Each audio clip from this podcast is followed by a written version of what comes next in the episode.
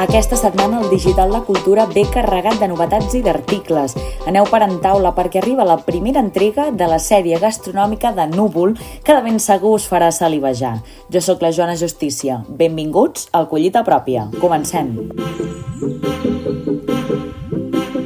Abans de res, vull recordar que en motiu del Dia Internacional de la Dona i la Nena Científica, el Digital de Cultura va publicar la setmana passada un dossier d'entrevistes a 11 científiques del país, totes de diferents camps, des de la medicina, la física, passant per la robòtica, la química ambiental, la bioenginyeria o la genètica. No deixeu escapar aquesta lectura. I ara sí, pel que fa aquesta setmana, estem d'estrenes amb l'article d'en Miquel Bonet, Més pa que formatge es diu, que és la primera entrega entrega de la sèrie gastronòmica El que no hem menjat, un requiem pop per la cuina catalana. El seu autor ens explica el propòsit de la sèrie. Últimament he detectat que tothom s'omple la boca amb les virtuts de la cuina catalana tradicional, però que a l'hora de la veritat eh, és potser menys present que mai en el nostre dia a dia. Per tant, m'he proposat amb aquesta nova sèrie fer una espècie d'anti-almanac o contracalendari dels, dels plats més característics de la cuina catalana. Així hem començat aquesta setmana amb el formatge i continuarem en la pròxima entrega amb una cosa tan controvertida com és el romesco. Us llegeixo un fragment del text. Diu, la tradició gastronòmica nacional és un tresor patrimonial, marcat al mapa amb una X gegant i fosforescent, que no només és invisible al gruix de la població, sinó que la majoria s'hi pixa i caga al damunt ja pots intentar glossar les virtuts teologals de la samfaina si la penya només es deleix per albocats invasors que dessequen el planeta o per carn de salmons mutants que fan plorar la Rosalia. No el deixeu escapar. I de la cuina passem al teatre, amb la crítica que Oriol Puig Tauler ha fet de tot fent Pigmalió, protagonitzada per Lloll Bertran i Manel Barceló, que es podrà veure a la sala Versus Glòries fins al 24 de març. Tal com explica l'autor a l'article Mayfair Lloll, el muntatge uneix el Pigmalió escrit el 1913 pel dramaturg irlandès George Bernard Shaw, la pel·lícula musical My Fair Lady i el muntatge de Pigmalió que de Goll de Gom va estrenar el 1997, protagonitzat per Lloll Bertran i que el mateix Oriol va tenir el plaer de veure en el seu moment. Escoltem què en pensa l'autor de l'actual versió. En un moment que estem parlant tant de la qualitat del català, també la que sentim als escenaris, què millor que anar a veure aquest monument a la llengua que és Pigmalió, ja que Rossic utilitza principalment la traducció que en va fer Joan Oliver l'any 1957, que és una pura meravella. ¿Te gusta Elvis Presley? Claro. ¿A quién no? En clau cinematogràfica parlem ara de l'article Les pestanyes de Priscila, de Belit Lago, el qual diu el següent. Bona part de Priscila és el recorregut per la vida d'una dona casada amb una figura absent, erigint-se com a retrat de la solitud d'una jove que va cometre l'error de creure cegament en el somni de l'amor perfecte i que va aprendre a sobreviure al malson que finalment esdevindria el seu matrimoni. L'autor ens explica què li va semblar la pel·lícula.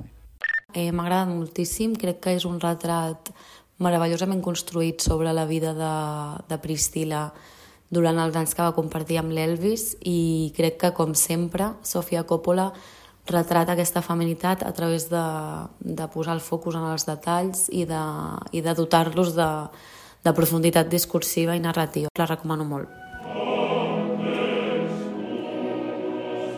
I passem a la clàssica, amb l'entrevista que Antoni Colomer ha fet al director d'orquestra italià Riccardo Frizza, qui torna al Gran Teatre del Liceu per dirigir Un ballo in màscara.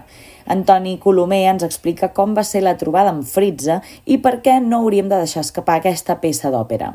Ell em va donar la sensació de ser un tio molt segur de si mateix, molt ambiciós, amb ganes d'anar més enllà, i bé, finalment eh, clar, un dels meus interessos era fer-li la pregunta de si eh, optava a ser director del Liceu en substitució del Josep Pons i em va dir molt clarament que per ell encantat, que ell s'ha ofert, però que el teatre li ha dit que no. I que, bueno, que així està la situació.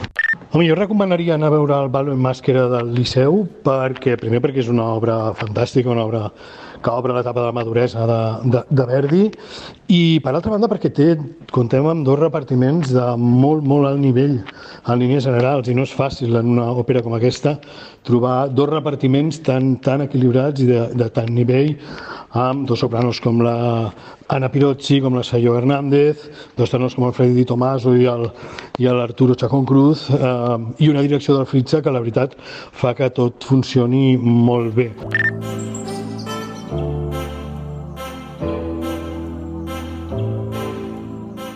També aquesta setmana, Bernat Puigtovell ha entrevistat Jordi Puntí, que presenta Confetti, d'Edicions Proa, guardonat amb el Premi Sant Jordi de novel·la que concedeix Òmnium Cultural aquest dissabte a dos quarts d'una a la llibreria Finestes, acompanyat per Albert Tom.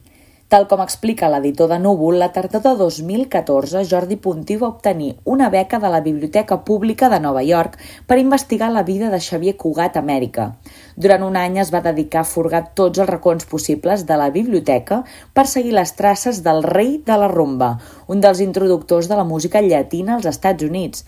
Deu anys després publica la novel·la Confetti, on reconstrueix el recorregut vital i professional d'un dels músics catalans més famosos del segle XX a través de la mirada d'en Daniel, un periodista que viu una vida paral·lela a la de Xavier Cugat. Jordi Puntí explica quina lectura voldria que es fes actualment d'aquest músic, que a Catalunya no vam conèixer fins als anys 80.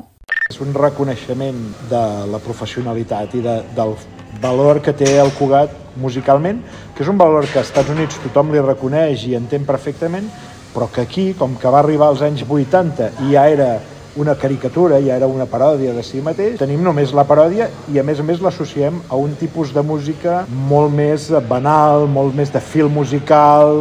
El saxofonista un dia que hi vaig parlar em deia Bueno, Cugat, es que Cugat transformó la esencia cubana en azúcar, todo era azúcar saps? No els agradava, perquè hi ha, hi ha altres músics cubans que deien aquest tio ens ha agafat l'essència, però ell ho tenia clar, ell l'havia transformat perquè l'entengués la classe mitjana americana. També a l'entrevista, Bernat Puigtovella demana a l'autor de Confetti que s'adreci al públic que desconeix la figura de Xavier Cugat i que li expliqui quina és la principal aportació musical de Xavier Cugat. I ell respon al següent.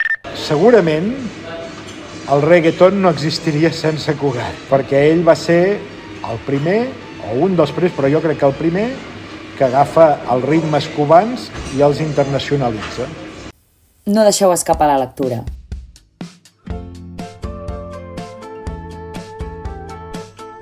I bé, començàvem l'episodi parlant de formatge i avui ens acomiadem amb cafè, amb l'article d'aquesta setmana d'Ofèlia Carbonell, titulat Flat White, que diu el següent. Finalment, surto del local amb un flat white i 3 euros menys al banc. El cafè és àcid, afruitat, la varietat de la setmana. Tant per tant, podria haver esmorzat un mojito. Xample Vall, em pregunto si es pot parlar de gentrificació en un barri benestant. L'autora ens explica la idea de l'article. Narra la passejada que faig cada matí de casa meva a la feina, travessant tot l'Eixample dret i com em sorprenia, sobretot aquests últims mesos, amb com contrastaven aquesta explosió de modernisme en les façanes, els portals, els vitralls dels de, balcons, aquestes escultures, tota aquesta cosa tan maca que a més a més forma part d'un imaginari molt concret i que ara contrasta molt amb un tipus de comerç i un tipus de públic a qui s'adreça aquest comerç, eh, que és molt diferent. De fet, crec que és un tipus de comerç que tant podríem trobar ara a l'Eixample Dret com a la Roba 22, com podríem trobar potser a San Francisco o, o a qualsevol, o a Londres, a qualsevol altre barri, a qualsevol altre país. I em feia, em feia gràcia aquest contrast i un dia em vaig aventurar a demanar-hi un cafè a veure què passava. I nosaltres ho deixem aquí. Ens escoltem la setmana vinent amb més novetats culturals. Adeu!